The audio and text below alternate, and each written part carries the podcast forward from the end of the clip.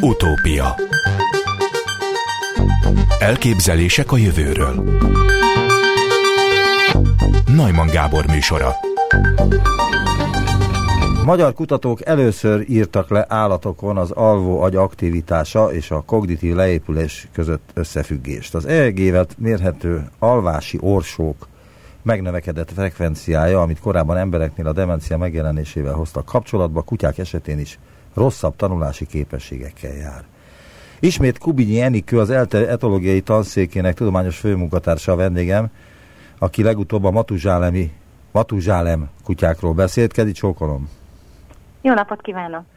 Ez a megállapítás a Matuzsálem kutyákkal kapcsolatos kutatás mellékterméke?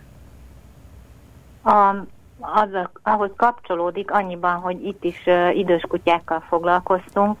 Uh, 2016 óta a, az Európai Kutatási Tanács pályázatán elnyerve idős kutyákat kutatunk, hogy hogyan zajlik náluk az öregedés, és ebben vannak genetikai vizsgálatok, erről beszélgettünk a múltkor, ennek az egyik ágáról, és idegtudományi vizsgálatok is vannak benne, amiket ezúttal etológiai, tehát viselkedéskutatásos vizsgálatokkal kapcsoltunk össze.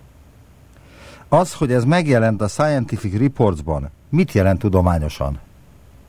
A Scientific Reports a, a Nature egyik open access, tehát szabadon hozzáférhető újságja. Nagyon jónak szokták mondani. A, nem tudom, hogy mennyire közismert, hogy úgynevezett impact faktorral mérik a, a, a lapoknak a, az idézettségét elsősorban. Nem, nem mérhető a Scientific Report az anyalaphoz, a Nature-höz, de egy négyes, négy fölötti impact faktorral egész, egész jónak számít, úgyhogy mi, mi nagyon örülünk neki, szerintünk ez egy jó, jó eredmény. A többi ö, hasonló témájú cikkünk, mert nem most foglalkozunk először az alvászi orsóval, egyébként szintén itt jelent meg, tehát úgy látszik, hogy ez alap kifejezetten vevő az alvási orsókra. Felolvasnám, hogy miről van szó pontosan. Az ELTE kutatóinak a Scientific Reports-ban megjelent közleménye elsőként mutatott ki az alvási orsók frekvenciája és a kognitív leépülés közti összefüggést kutyákon. Korábban leírtuk, hogy az emberekhez hasonlóan az alvási orsók frekvenciája az életkor előre haladtával kutyáknál is növekszik, mondja dr. Kubinyi Enikő, a Senior Családi Kutyaprogram vezetője. Mivel az idős kutyák rosszabbul tanulnak, feltételeztük, hogy az orsók jellegzetességei a tanulási képességgel is összefüggenek, ezt öntől idézik. De mik azok az alvási orsók? Igen, hát ez a, ez a titokzatos bennük. Az alvási orsókat azt úgy láthatjuk meg, hogyha a kutyáknak a fejére elektródákat helyezünk. Ez nagyon rosszul hangzik, de a valóságban teljesen békés folyamat, mert a kutya és a gazda be, besétál az alvás laboratóriumba, ott a nagyon-nagyon kedves és kutyákhoz jól értő kísérletvezető összebarátkozik a kutyával, és aztán a a fején a szőrét széthajtva egy lemosható ragasztóval ilyen kis elektródákat, kis fém tappancsokat helyez el, ezek körülbelül olyan negyed körömnyiek, és ezután, mivel semmi se történik, a, a kutya az álomba szenderül. Közben a gazdája ott ül mellette, olvasgat, vagy néz egy filmet, úgyhogy közben van egy fülhallgat a fején. Én is részt vettem már kétszer, ez, kétszer ebben a vizsgálatban, egyszer filmet néztem, meg én is elaludtam, mert hát teljesen sötét van a szobában. Úgyhogy eltelik így három óra, és miközben a kutya alszik, abban a fázisban, amikor nincsenek szemmozgások, főleg akkor jelennek meg ezek az alvási orsók, ezek rövid hullámformák, tehát fél másodperctől hat másodpercig terjed a hosszú általában, és több hullám is lefut ez alatt az időszak alatt, és ezeknek a az amplitúdója az elüt a környezetétől, így lehet őket azonosítani. És amit, amit mi mértünk, ami most számunkra fontos volt, az az, hogy egy orson belül hány hullámforma fut le, ugye ez, a, ez maga a frekvencia, és ezt már korábban egy 155 kutyán láttuk, akik különböző korúak voltak fiataltól idősig, hogy az idősebbeknél a frekvencia nagyobb volt, és most ebben a vizsgálatban is azt találtuk, hogy azok a kutyák, akik egy viselkedéstesztben rosszabb tanulási képességet mutattak, azoknál a, a frekvencia magasabb volt. Tehát olyan, mintha ez a frekvencia ez kapcsolatban lenne a tanulási képességgel, és ami az igazán izgalmas, az az, hogy embereknél nem nagyon vannak ilyen vizsgálatok, meglepő módon demenciával kapcsolatban, de éppen megjelent egy, miután, miután mi is rátaláltunk erre az eredményre, és ugyanezt találták embereknél is, tehát mi, mi ennek, ennek nagyon megörültünk, hogy az, amit kutyán találtunk, és ami miatt a kutyavizsgálatokat elkezdtük, hogy, hogy bebizonyítsuk, vagy igazoljuk, hogy a kutya, mint emlős állat, az milyen jó modellje az emberi öregedésnek, a, amellé most párba tudunk állítani egy, egy humán vizsgálatot is, ahol tényleg nagyon hasonló dolgot találtak. Mondjuk azt hangsúlyoznom kell, hogy mi nem demens kutyákkal dolgoztunk, de hát a demencia állapotának is ugye az az egyik jellemzője, hogy ez gyakorlatilag nem nagyon van benne tanulási képesség. Mi egészséges kutyákon találtuk azt, hogy aki rosszabbul tanul, annak másmilyen, máshogy működik az agya alvás közben, legalábbis az alvási orsoknak a tekintetében. Tehát ez nem egyértelműen az idős kutyákhoz vagy idős emberekhez köthető? Um, azt nem tudom még, mert a mi mintánkban csak idős kutyák vettek részt ezúttal, tehát ebben a vizsgálatban csak uh, 8 év feletti kutyák voltak, és a humán vizsgálat is, amit említettem, ott pedig uh, demens embereket, tehát uh, idős, igazából idős embereket vizsgáltak. Úgyhogy azt nem tudom, hogy uh, fiatalabbaknál ez a helyzet.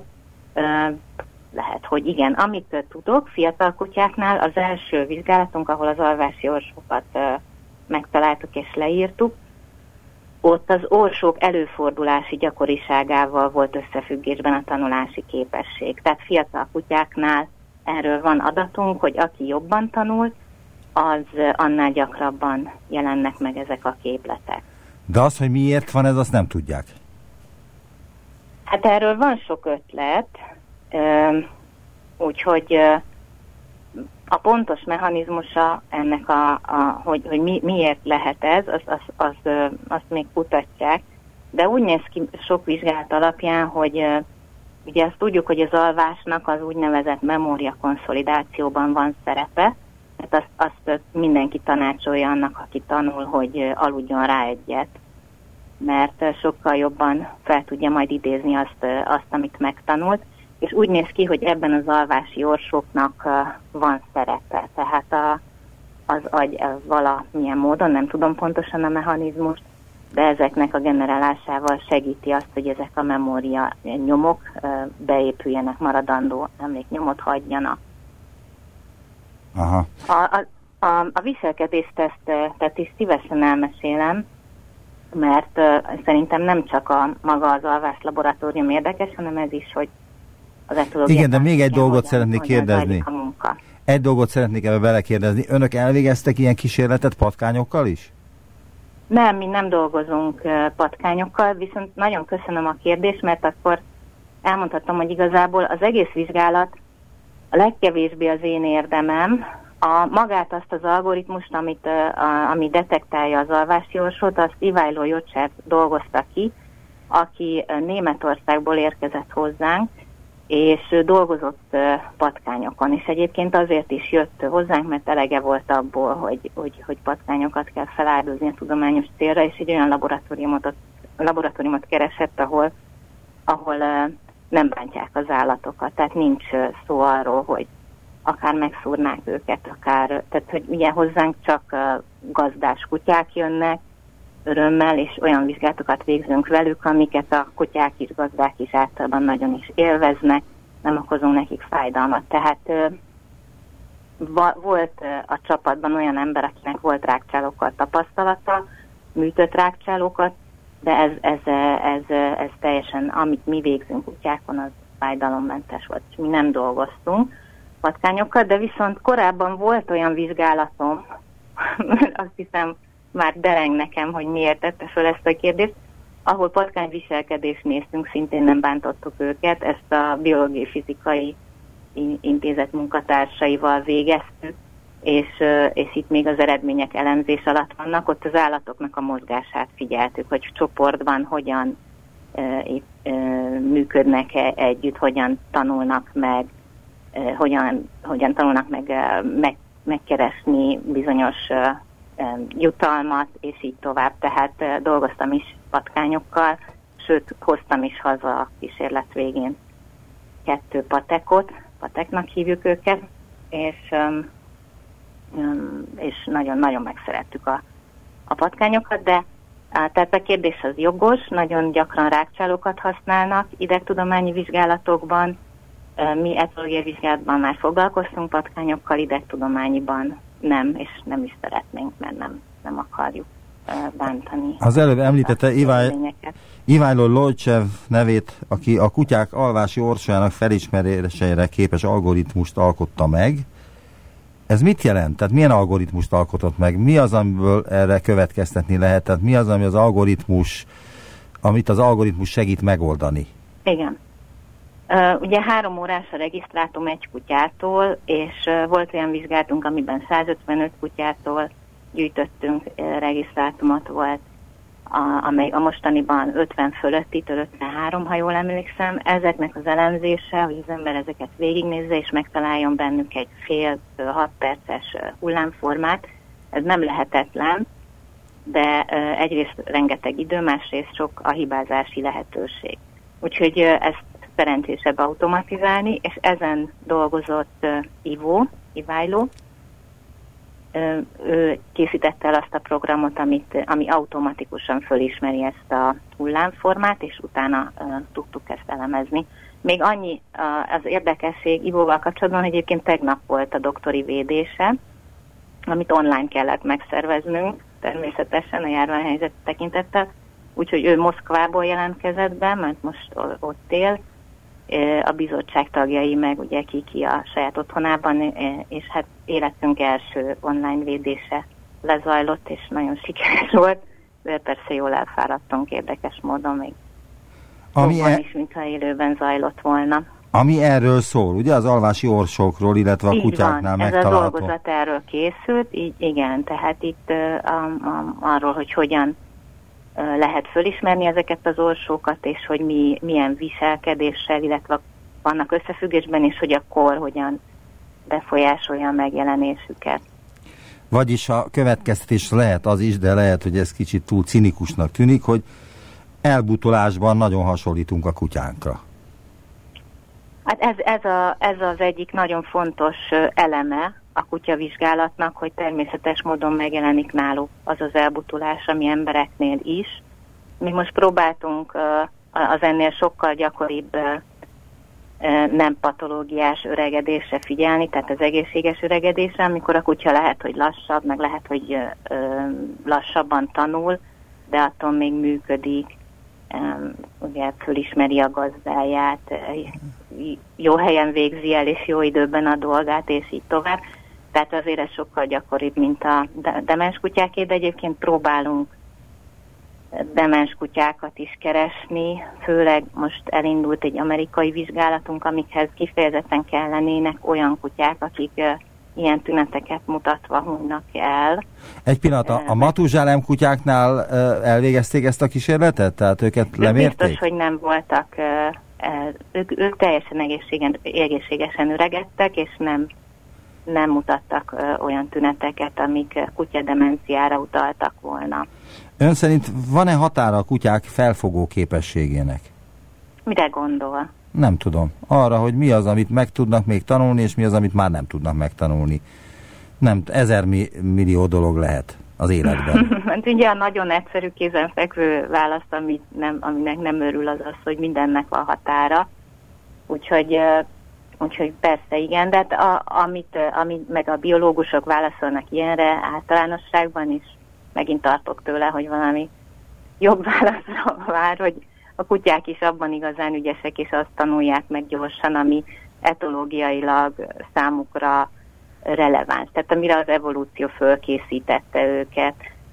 A minden egyébben egy, egy mesterséges környezetben, ami, amiben nincsen evolúciós úgymond tapasztalatuk, az sokkal nehezebben fogják megtanulni.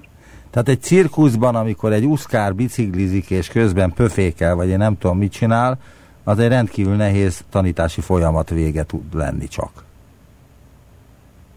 Hát ez jó kérdés. Tudnám, hogy hogyan építik föl ezt a tanulási folyamatot. a, a trénerek, akkor, akkor ezt könnyebben meg tudnám válaszolni. De az biztos, hogy mondjuk e, buborékokat fújni egy delfinnek, azt könnyebb megtanítani, mint vagy hogy ilyen pöfékeléssel kapcsán, mint mondjuk egy, mint mondjuk egy kutyának, ezt, ezt el tudom képzelni. Mennyivel kisebb egy kutya agya, mint egy ember agya? A, a, ami a meglepő a kutya agya kapcsolatban, az egyrészt az, hogy, hogy sokkal kisebb, mint várnánk. Az, etológia, az említett EEG vizsgálatokat is azért alvásban kell elvégeznünk, mert a kutya agyat egy nagyon vastag csont borítja, és azok az izmok, amik lehetővé teszik, hogy a kutya szétroppantsa a csontokat, azok is rendkívül erősek.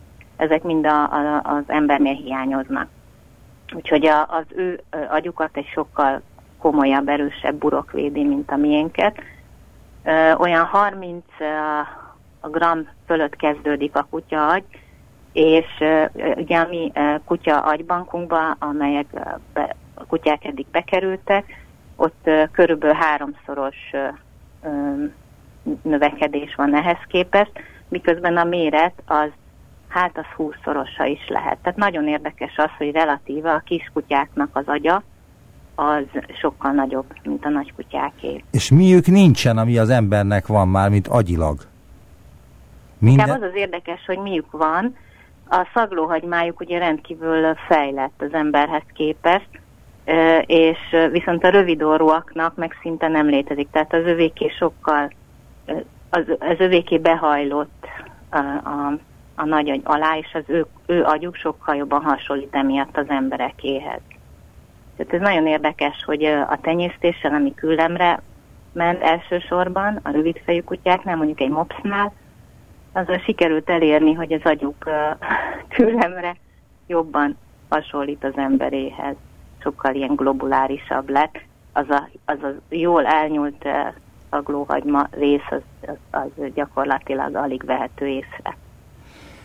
És most függetlenül az embertől, egy kutyának van-e valamilyen vagy bármilyen erkölcsi érzéke? Tehát mérlegel a dolgok között úgy is, hogy nem csak haszon alapján, hanem hogy jóság alapján is. Van-e uh-huh. egyáltalán ilyen egy kutyánál?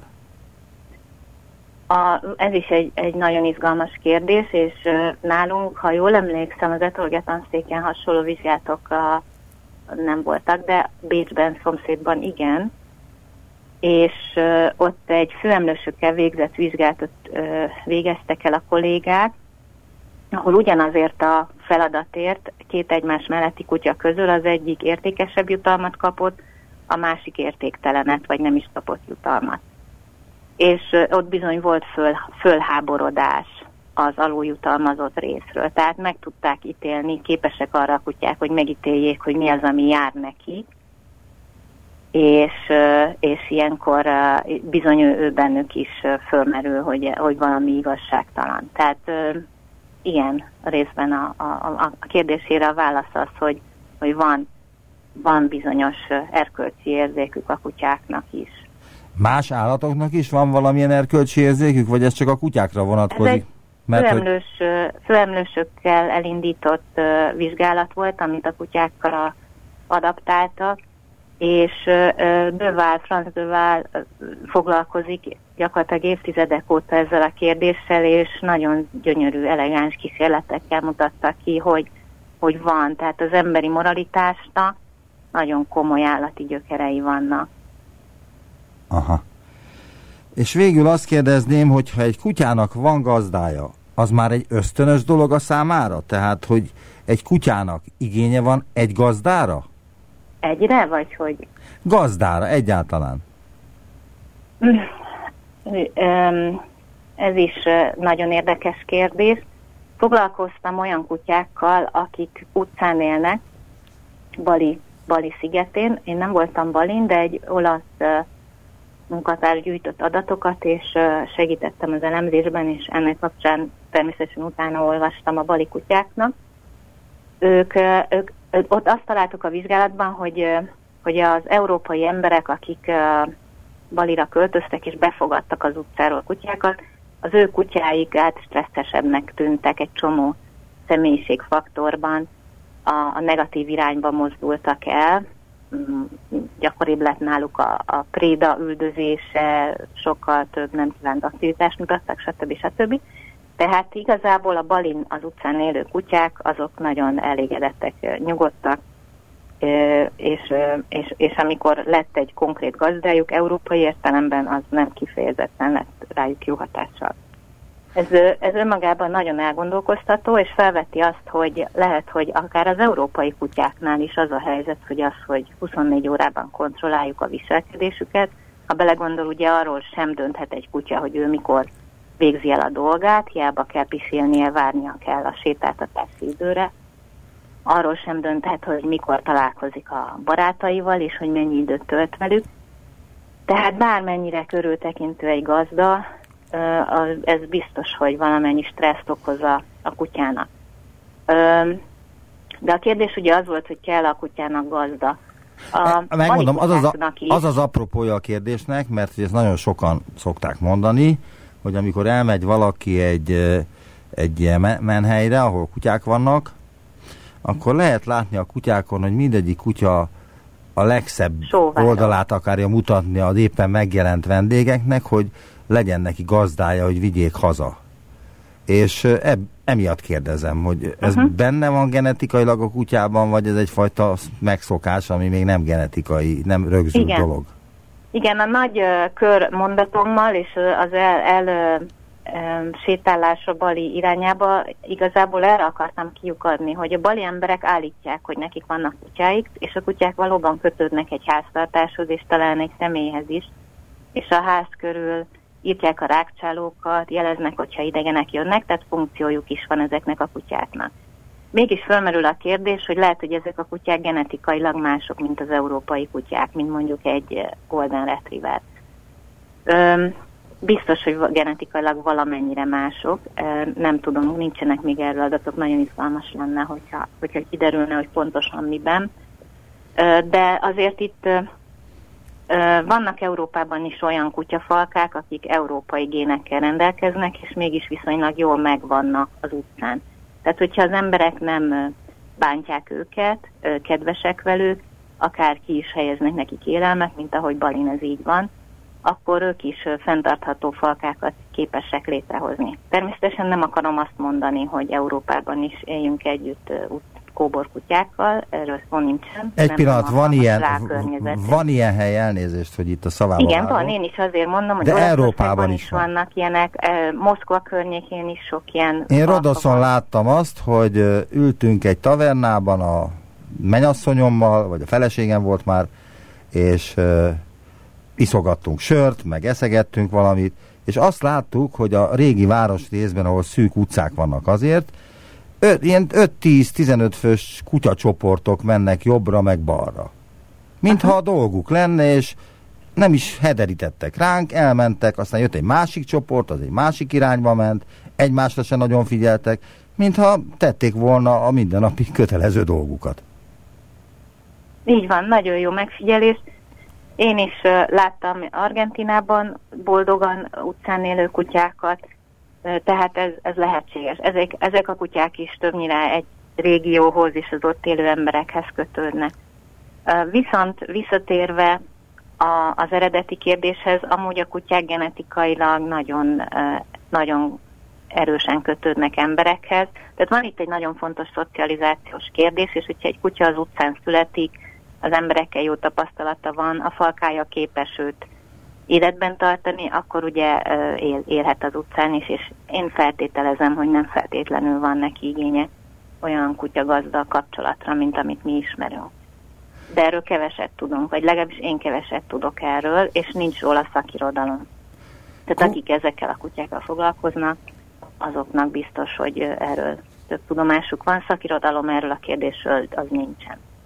A, ami ami fontos az az, amit említett, hogy a menhelyen lévő kutyák azok nagyon könnyen gazdásodnak, ezt tudjuk, viszont ez Gácsi Márta egy nagyon korai vizsgálatában kimutatta, hogy akár néhányszor 10 perc kezelés, teredgetés, ülj le kutya, porázalaktalak, kapsz tőlem jutalmat, labdázunk egy kicsit. Ennyi elég ahhoz, hogy egy kutya elkezdjen kötődni az emberhez, és, és tényleg határozott kötődési jeleket mutasson őt és csak őt üdvözölje elvállás után, és így tovább. Tehát a kutyáknak van erre egy, egy igénye, és ez egy genetikailag meghatározott igény, ez egészen biztos. Viszont a kutya annyira plastikus, annyira formálható, hogy, hogy attól függetlenül, hogy genetikailag benne van ez az igény, akár szocializálható arra is, hogy az utcán éljen. Ezek a kutyák lehet, hogy genetikailag részben mások, de tudjuk, hogy nem lehetnek nagyon mások, hiszen ugye hát keverednek egymással, és hogy befogadhatók végül is, és lehet belőlük családi kutyát is csinálni valamilyen szinten. Tehát látni kell, hogy itt egy ilyen nagy spektrum van, az egész viselkedés nagyon komplex, és nehéz szétválasztani, hogy mennyi a genetika és mennyi a környezet hatása. Nagyon szépen köszönöm. Kubinyi Enikő volt a vendégem ismételten, és szerintem ismételten nagyon érdekes Hát köszönöm szépen volt. a nagyon jó kérdéseket, mert meg, megtornáztatta az agyamat, úgyhogy ez egy jó reggeli feladat volt. Köszönöm Kérdez, szépen. Lesz a beszélgetés. Viszont hallásra. Köszönöm én is. Utópia Tavaly decemberben jutott el az Ötvös Lóránt Kutatási Hálózat elnökéhez egy magyar kutatócsoport azt a protokollt, amelynek alkalmazásával nem csupán előre lehet jelezni, de akár meg is lehet akadályozni a mostani koronavírus világjárványhoz hasonló kríziseket. Üdvözlöm az utópiában Molnár Orsóját, az Ökológiai Kutatóközpont evolúció tudományi munkatársát. Kezi Csókolom, jó napot kívánok! Jó napot kívánok! Mi az a DAMA protokoll? A DAMA protokoll gyakorlatilag egy olyan tervezet, vagy egy olyan tanulmány, ami azon alapszik, hogy evolúciós mechanizmusok segítségével előre tudjuk becsülni, illetve jelezni azokat a felületeket, azokat a területeket, vagy régiókat, vagy akár fajközösségeket, ahol nagyon magas esélye van egy olyan újonnan megjelenő fertőző betegségnek, mint amilyen például a mostani koronavírus.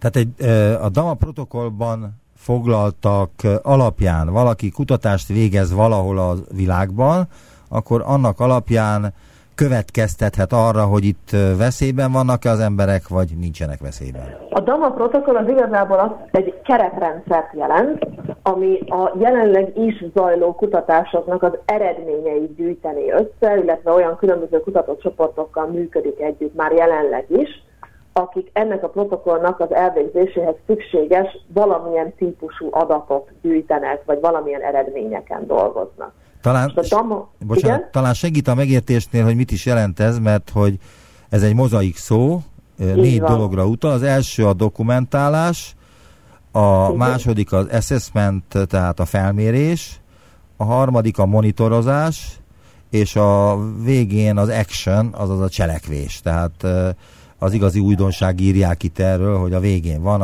pedig az, hogy ez a DAMA protokoll magában foglalja a cselekvést is.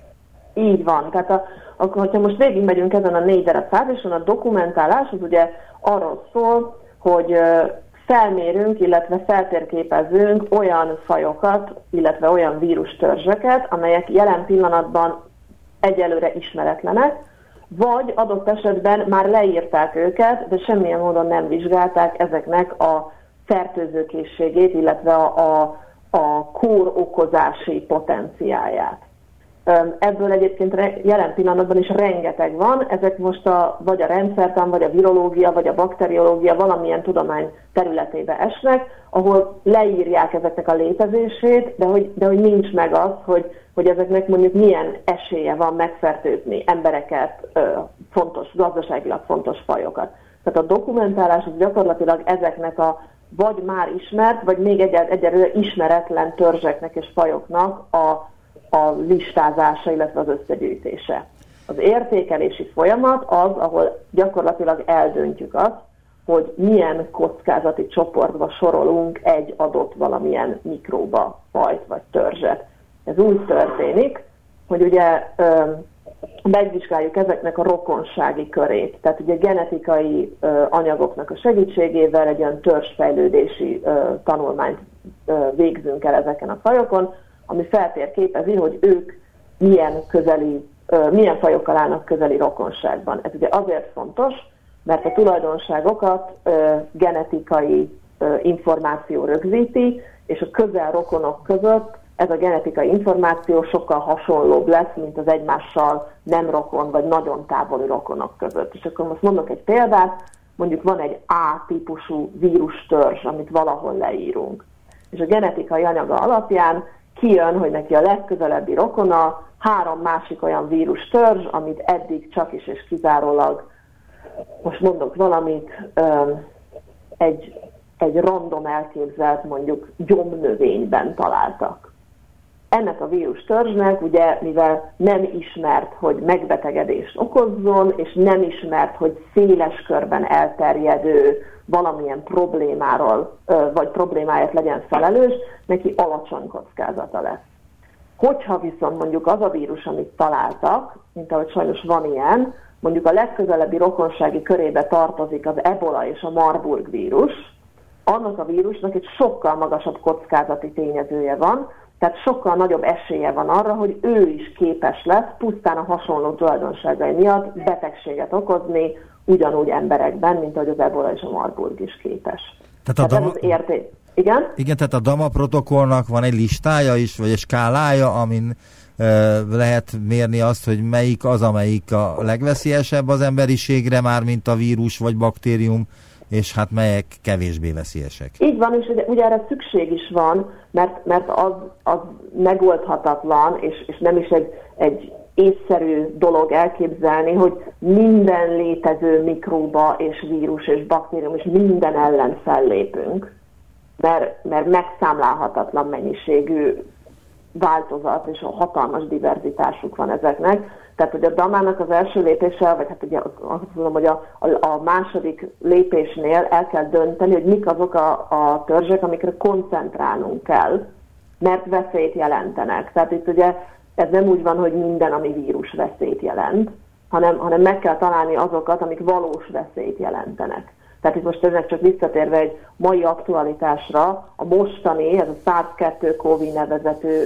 törzs, ami a mostani járványt okozza, ez nagyon közeli rokonságban áll a 2003-ban SARS vírust, vagy SARS járványt okozó másik vírus törzsel, ami ugye ugyanúgy Dél-Kelet-Ázsiában tört ki, és, és ugyanilyen légúti megbetegedéseket okozott. Tehát, hogy, hogy itt is ugye ugyanígy kijön ez a genetikai rokonság, hogy az egymással közel rokon ö, törzsek, azok hasonló tulajdonságokkal rendelkeznek, és ezért ugyanolyan, vagy nagyon hasonló potenciáljuk van arra, hogy megbetegedéseket okozzanak. Önök hogyan vagy mikor kerültek kapcsolatba az operatív törzsel, illetve azokkal, akik Magyarországon a koronavírus járványt megpróbálják csillapítani? Hát ugye itt szerintem érdemes elválasztani két dolgot. Tehát, hogy a DAMA protokoll az egy olyan eljárási terv, ami, ami jelen pillanatban ugye a, a kormány elé fog kerülni. Tehát ez egy olyan eljárási tervezet, vagy egy javaslat, ami a, az ezután következő járványokat akadályozhatja meg. Tehát a koronavírus járvány ugye az már kitört, tehát onnantól kezdve, hogy egy járvány kitört, és egy betegség az elkezd terjedni, onnantól kezdve már nem tudjuk megakadályozni, vagy előrejelezni, mert, mert nincs mit, mert hogy már itt van. Tehát onnantól kezdve, hogy egy járvány már, ö, már, már kitört, onnantól egy más ö, megközelítést kell, és itt jön be a DAMA protokollnak ugye az amúgy harmadik fázisa a monitorozás.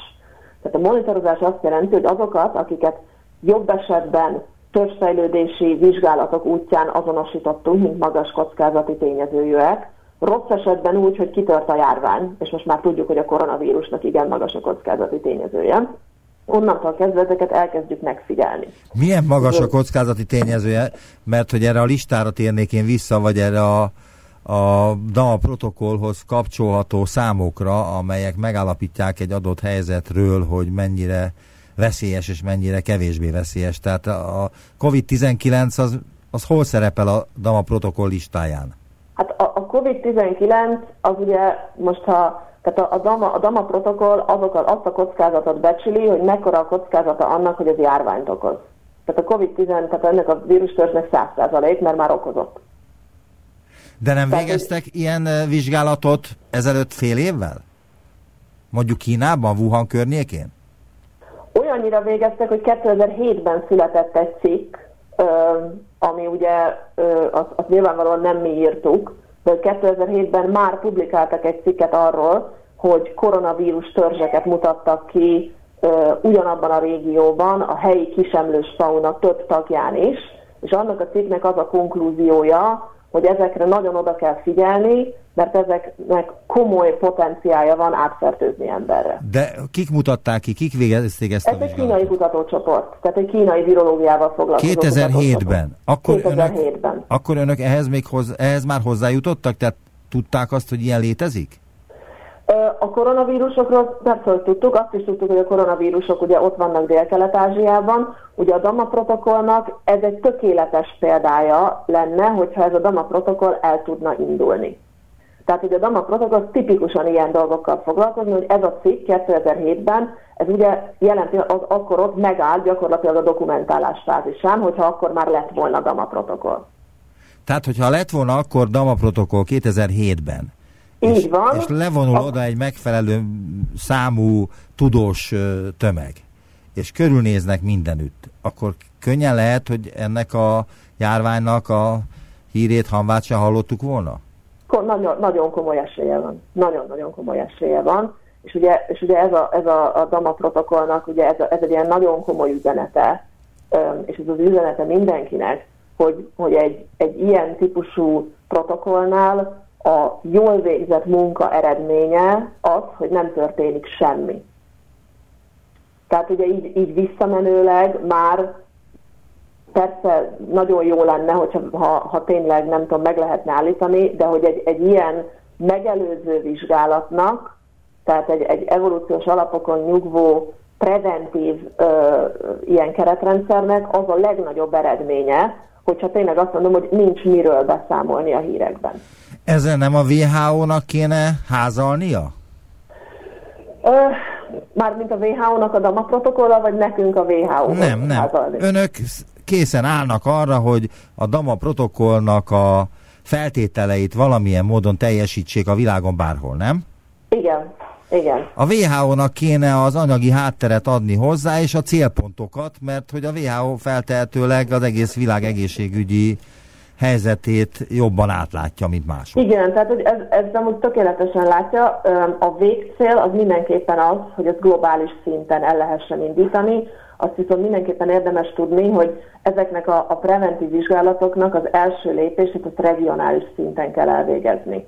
Egyszerűen azért, mert, mert regionálisan léteznek azok a kutatócsoportok, akiknek egyrészt jobb rálátásuk van az abban a régióban elterjedt bármilyen mikroba közösségekre. Elnézést, ez Ugye, egy standardizált, standardizált vizsgálat? Tehát, hogy ugyanúgy vizsgálnák Kínában, mint Magyarországon, vagy Dél-Afrikában? Igen, tehát hogy, hogy maga a protokoll, az ugye az, azt mondom inkább, hogy az elvrendszer a standard. Tehát ugyanazon evolúciós, ugyanazon eljárási rendeket alkalmaznánk.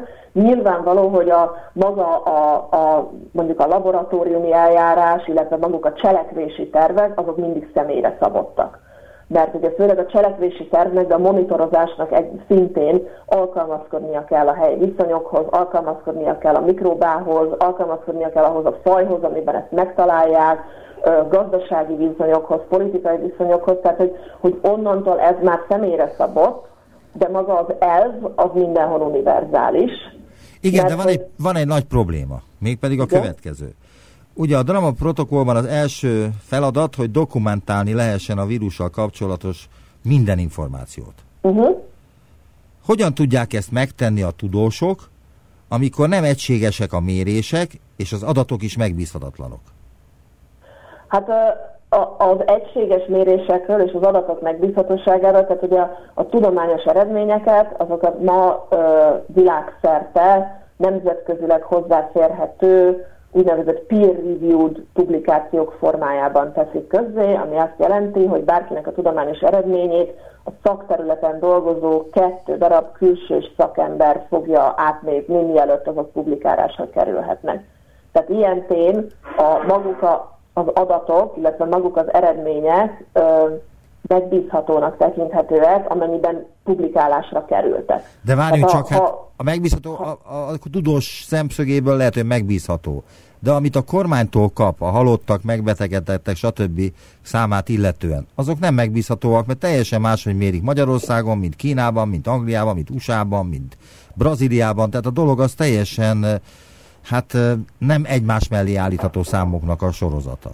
Ez, ez világos, de ugye, hogyha a Dama protokollra gondolunk, akkor ott jó eséllyel mi nem halottak és ö, megbetegedettek számával dolgozunk, mert az azt jelenti, hogy már kitört a járvány. Tehát a Dama protokollban Igen, de hát most, előfordul, most önöknek ebben kell dolgozniuk, nem? Tehát, Tehát most már kitört a járvány, ennek ellenére önökre komoly feladat hárul, hogy valamilyen módon segítsenek a járvány leküzdésében. Igen, tehát hogy ahogyan a DAMA protokoll segíteni tud magának a járványnak a leküzdésében, tehát hogy ez, ez fontos szerintem elkülöníteni, hogy mi nem orvos kutatással foglalkozunk, tehát hogy mi nem orvoslással, nem gyógyítással, nem ilyesmivel foglalkozunk. Amivel mi a, a tehát ami a mi szakterületünk úgymond, az az, hogy amikor ez a koronavírus járvány mondjuk elér egy bizonyos régiót, mondjuk teszem azt Magyarországot, akkor ugye ott az történik, hogy um, itt most tényleg egy picit belemennék ugye a, a háttér, hátterébe ennek az egésznek, tehát hogy olyan, hogy emberi kórokozó, ami azt jelenti, ami alatt a köznyelv azt érti, hogy um, emberben létezik csak és kizárólag, nincsen. Minden kórokozó olyan, hogy több különböző fajt fertőz. És a DAMA protokollnak a koronavírusnál az lesz a feladata, hogy nyomon kövesse, hogy hol van a vírus, amikor nem emberekben található. Nagyon hasonló például egy influenzához. Hol van az influenza vírus két influenza járvány között? És hol Mert van? ugye a járványok azok És hol van? Hát ez a kérdés. Tehát ugye a koronavírusnak óriási potenciája van arra, hogy mondjuk azt mondom, hogy kisemlős fajokban, vagy ragadozó fajokban, vagy, vagy akár házi állatokban megtelepedjen. Ez ugye egyelőre most még vizsgálat alatt van, és most már biztos hallottak olyan különböző ö, eredményeket a, a kedves hallgatók, amik visszajöttek arról, hogy, hogy ugye a denevérek kerültek szóba, akkor különböző háziállatok kerülhettek szóba, különböző vadon élő kisemlősök is szóba kerülhetnek. Tehát itt egy már kitört járvány esetén azt kell nekünk megfigyelni, hogy hová lesz a koronavírus, amikor ugye lefelé kezd bukni az emberi járvány görbe, tehát amikor már nálunk csökken az esetek száma, és azt kell nyomon követni, hogy bárhová is ment, bármelyik fajokba is ment, azokból a fajokból ne tudjon visszafertőzni megint az emberre. Tehát Mert ugye ez fog újabb és újabb járványokat okozni a későbbiekben. Ehhez egy nagyon ugye... komoly tudós táb kell, ugye? Mert ide kell bele ökológus, etológus, biológus, mikrobiológus, mindenféle szakma tudója kell, hogy ezt a damaprotokollt létrehozza. Hát ugye ők mind nagyjából a biológusnak a, a témaköre alá tartoznak, és ugye itt jön, itt jön be a damaprotokollnak a regionális fontossága, tehát ami azt jelenti, hogy ismerni kell az adott régió szakembereit, akik foglalkoznak ezzel. Nálunk ugye van egy nagyon kiváló kollégánk, Földvári Gábor, aki kimondottan kisemlősöknek, a, illetve kullancsok és egyebek által terjesztett kórokozóival foglalkozik. Tehát, hogy itt a DAMA protokollnak meg kell találnia azokat a szakembereket, akik az adott fázisban segíteni tudnak, és ő tökéletesen mondja, ahol a, a, a monitorozás jön szóba, ott jön be az evolúciós ökológia, ott jön be magának az elterjedésnek a, a vizsgálata, ezeknek a kisemlős közösségeknek, akár a viselkedési vizsgálata, a kisemlős közösségeknek a mikróba vizsgálata, tehát hogy, hogy így tudjuk nyomon követni, hogy hol van a vírus. Mert az a baj, hogy ameddig nem tudjuk, hogy milyen más fajok hordozzák, addig a következő átfertőzés is meglepetésként fog minket érni, tehát a következő járvány is meg fog minket lepni. Tehát itt igazából azt tudom mondani, hogy a DAMA protokollnak abban van nagyon fontos dolga, hogy ne felejtse el ezt a járványt, miután vége van. Tehát, hogy ne lélegezzünk föl, amikor vége van, hanem akkor kell nyomon követni, amikor, pont akkor, amikor, amikor úgymond új gazdát talál magának. De egyébként mit szól ahhoz, hogy az amerikaiak szerint, és most uh, kicsit leegyszerűsítettem a Trumpot, hogy amerikaiaknak mondtam őt, de a Trump szerint egy Wuhan melletti laborból szabadulhatott el a COVID-19, és még nem tudni, hogy szándékosan történt-e, vagy véletlenül. Hát ugye így, így távolról nagyon könnyen okos az ember. Én erről azt tudom elmondani, hogy nekem volt szerencsém ellátogatni ugyanilyen BSL 4-es típusú laborokba. Ezekről ugye azt kell tudni, hogy ezek a legmagasabb biztonsági előírásoknak felelnek meg. Itt tényleg csak dióhéjban erről annyit, hogy itt ugye zárt levegőrendszer van, tehát hogy az a levegő, ami a laborban van, az soha nem jut ki a laborból, az, a, az, aki bent dolgozik a laborban, az nem azt a levegőt lélegzi be szűrten, hanem egy teljesen másik külső hálózatról kapja zárt rendszeren keresztül azt, amit belélegzik. Ugye rengeteg ilyen kép van ilyen felpuffadt szkafanderekben dolgozó kutatókról, tehát én summa summarum azt tudom mondani, hogy az, hogy egy laborból kijut egy bármilyen kórokozó, és most tényleg a nálunk lévő ugyanilyen BSL 4-es laborban olyan kórokozókkal dolgoznak, mint az ebola és társai, ennek én tényleg nullához konvergálónak látom az esélyét. Az, az egyetlen dolog, ugye, ahol ilyen balesetek szoktak lenni, az általában az emberi tényező. Amikor valaki véletlenül, most, most tényleg így most abszolút ilyen hipotetikus eseteket mondok, de mondjuk véletlenül megszúrja magát, véletlenül valamilyen úton megsérül a felszerelése, illetve a még esetleg, amit elképzelhetőnek tartok, hogy valamilyen úton, módon, most tényleg akár egy, egy baleset, egy, egy logisztikai probléma, egy mikroszkópikus korrupcióban kijuthat valami olyan labor állat a laborból, ami kapcsolatba került ilyen vírussal. De itt hangsúlyoznám ebben az esetben, hogy nem, nem véletlen, hogy abban a laborban koronavírus törzsekkel foglalkoztak, mert ugye ezeknek a laboroknak pontosan az a feladata, hogy a helyi faunában fellelhető kórokozókat vizsgálják. És, és itt szerintem ennek van óriási jelentősége, hogy ezek a koronavírus törzsek a laborba a helyi vadállományból kerültek be, és a helyi élőközösségből kerültek be, tehát összehasonlíthatatlanul nagyobb esélye van annak, hogy ez a vírus nem bement egy helyi, most mondok valamit, denevérből a laborba, majd onnan kiszabadult, hanem egyszerűen egy, egy helyi kisemlősből átfertőzött egy emberrel, aki kapcsolatba került ezzel a kisemlőssel. Tehát itt most tényleg, most összehasonlításként mondom, hogy mit tartunk elképzelhetőnek az, hogy a, egy veszettségvírus bekerül mondjuk a nem tudom, magyarországi valamelyik laborba, és onnan valaki titokban kicsempészi és megfertőz vele valakit, vagy az, hogy valakit megharap egy veszett macska, vagy egy veszett róka. Tehát itt, itt ilyen esélyek vannak. Tehát ennek a, a, a döntő, nem tudom én, 99,9999, és most sorolhatnám, hogy hány 9-es még, esélye az, hogy, hogy ez egyszerűen egy, egy, egy élővilágból fertőzött át egy emberre. Már csak azt kérdezném, hogy önök mennyire vannak már, mint az önök kutatócsoportja, mennyire vannak benne a frontvonalban? Hát olyan szempontból a frontvonalban, hogyha arra gondolunk, hogy a mostani járvány megszékezésében mi ugye abban nem vagyunk benne olyan szempontból, hogy mondom, tehát, hogy mi nem orvoslással és gyógyítással foglalkozunk, tehát ez nem a mi szakterületünk, mi ehhez nem is értünk. Ha, ha arra gondolunk, hogy mondjuk a, a kicsit az utóhatásnak a menedzselésében, ott ugye a kutatócsoportnak a vezetője, ő, ő igen komolyan benne van ugye azoknak a abban a, a párbeszédben, hogy, hogy a megfékezésnél, tehát amikor a, a, a gazdasági, az egészségügyi viszonyok, azok, azok már megengedik azt, hogy a megszéket, tehát a következő továbbgondolására fókuszáljunk, akkor, akkor ott mindenképpen a, a frontvonalban van az, hogy, hogy a DAMA protokollt alkalmazni, mielőtt még egy ilyen bekövetkezik.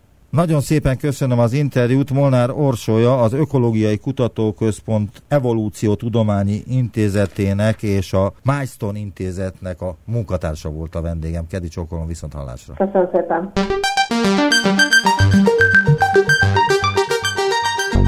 Visszaértünk a jelenbe. Neumann Gábor utópia című műsorát hallották.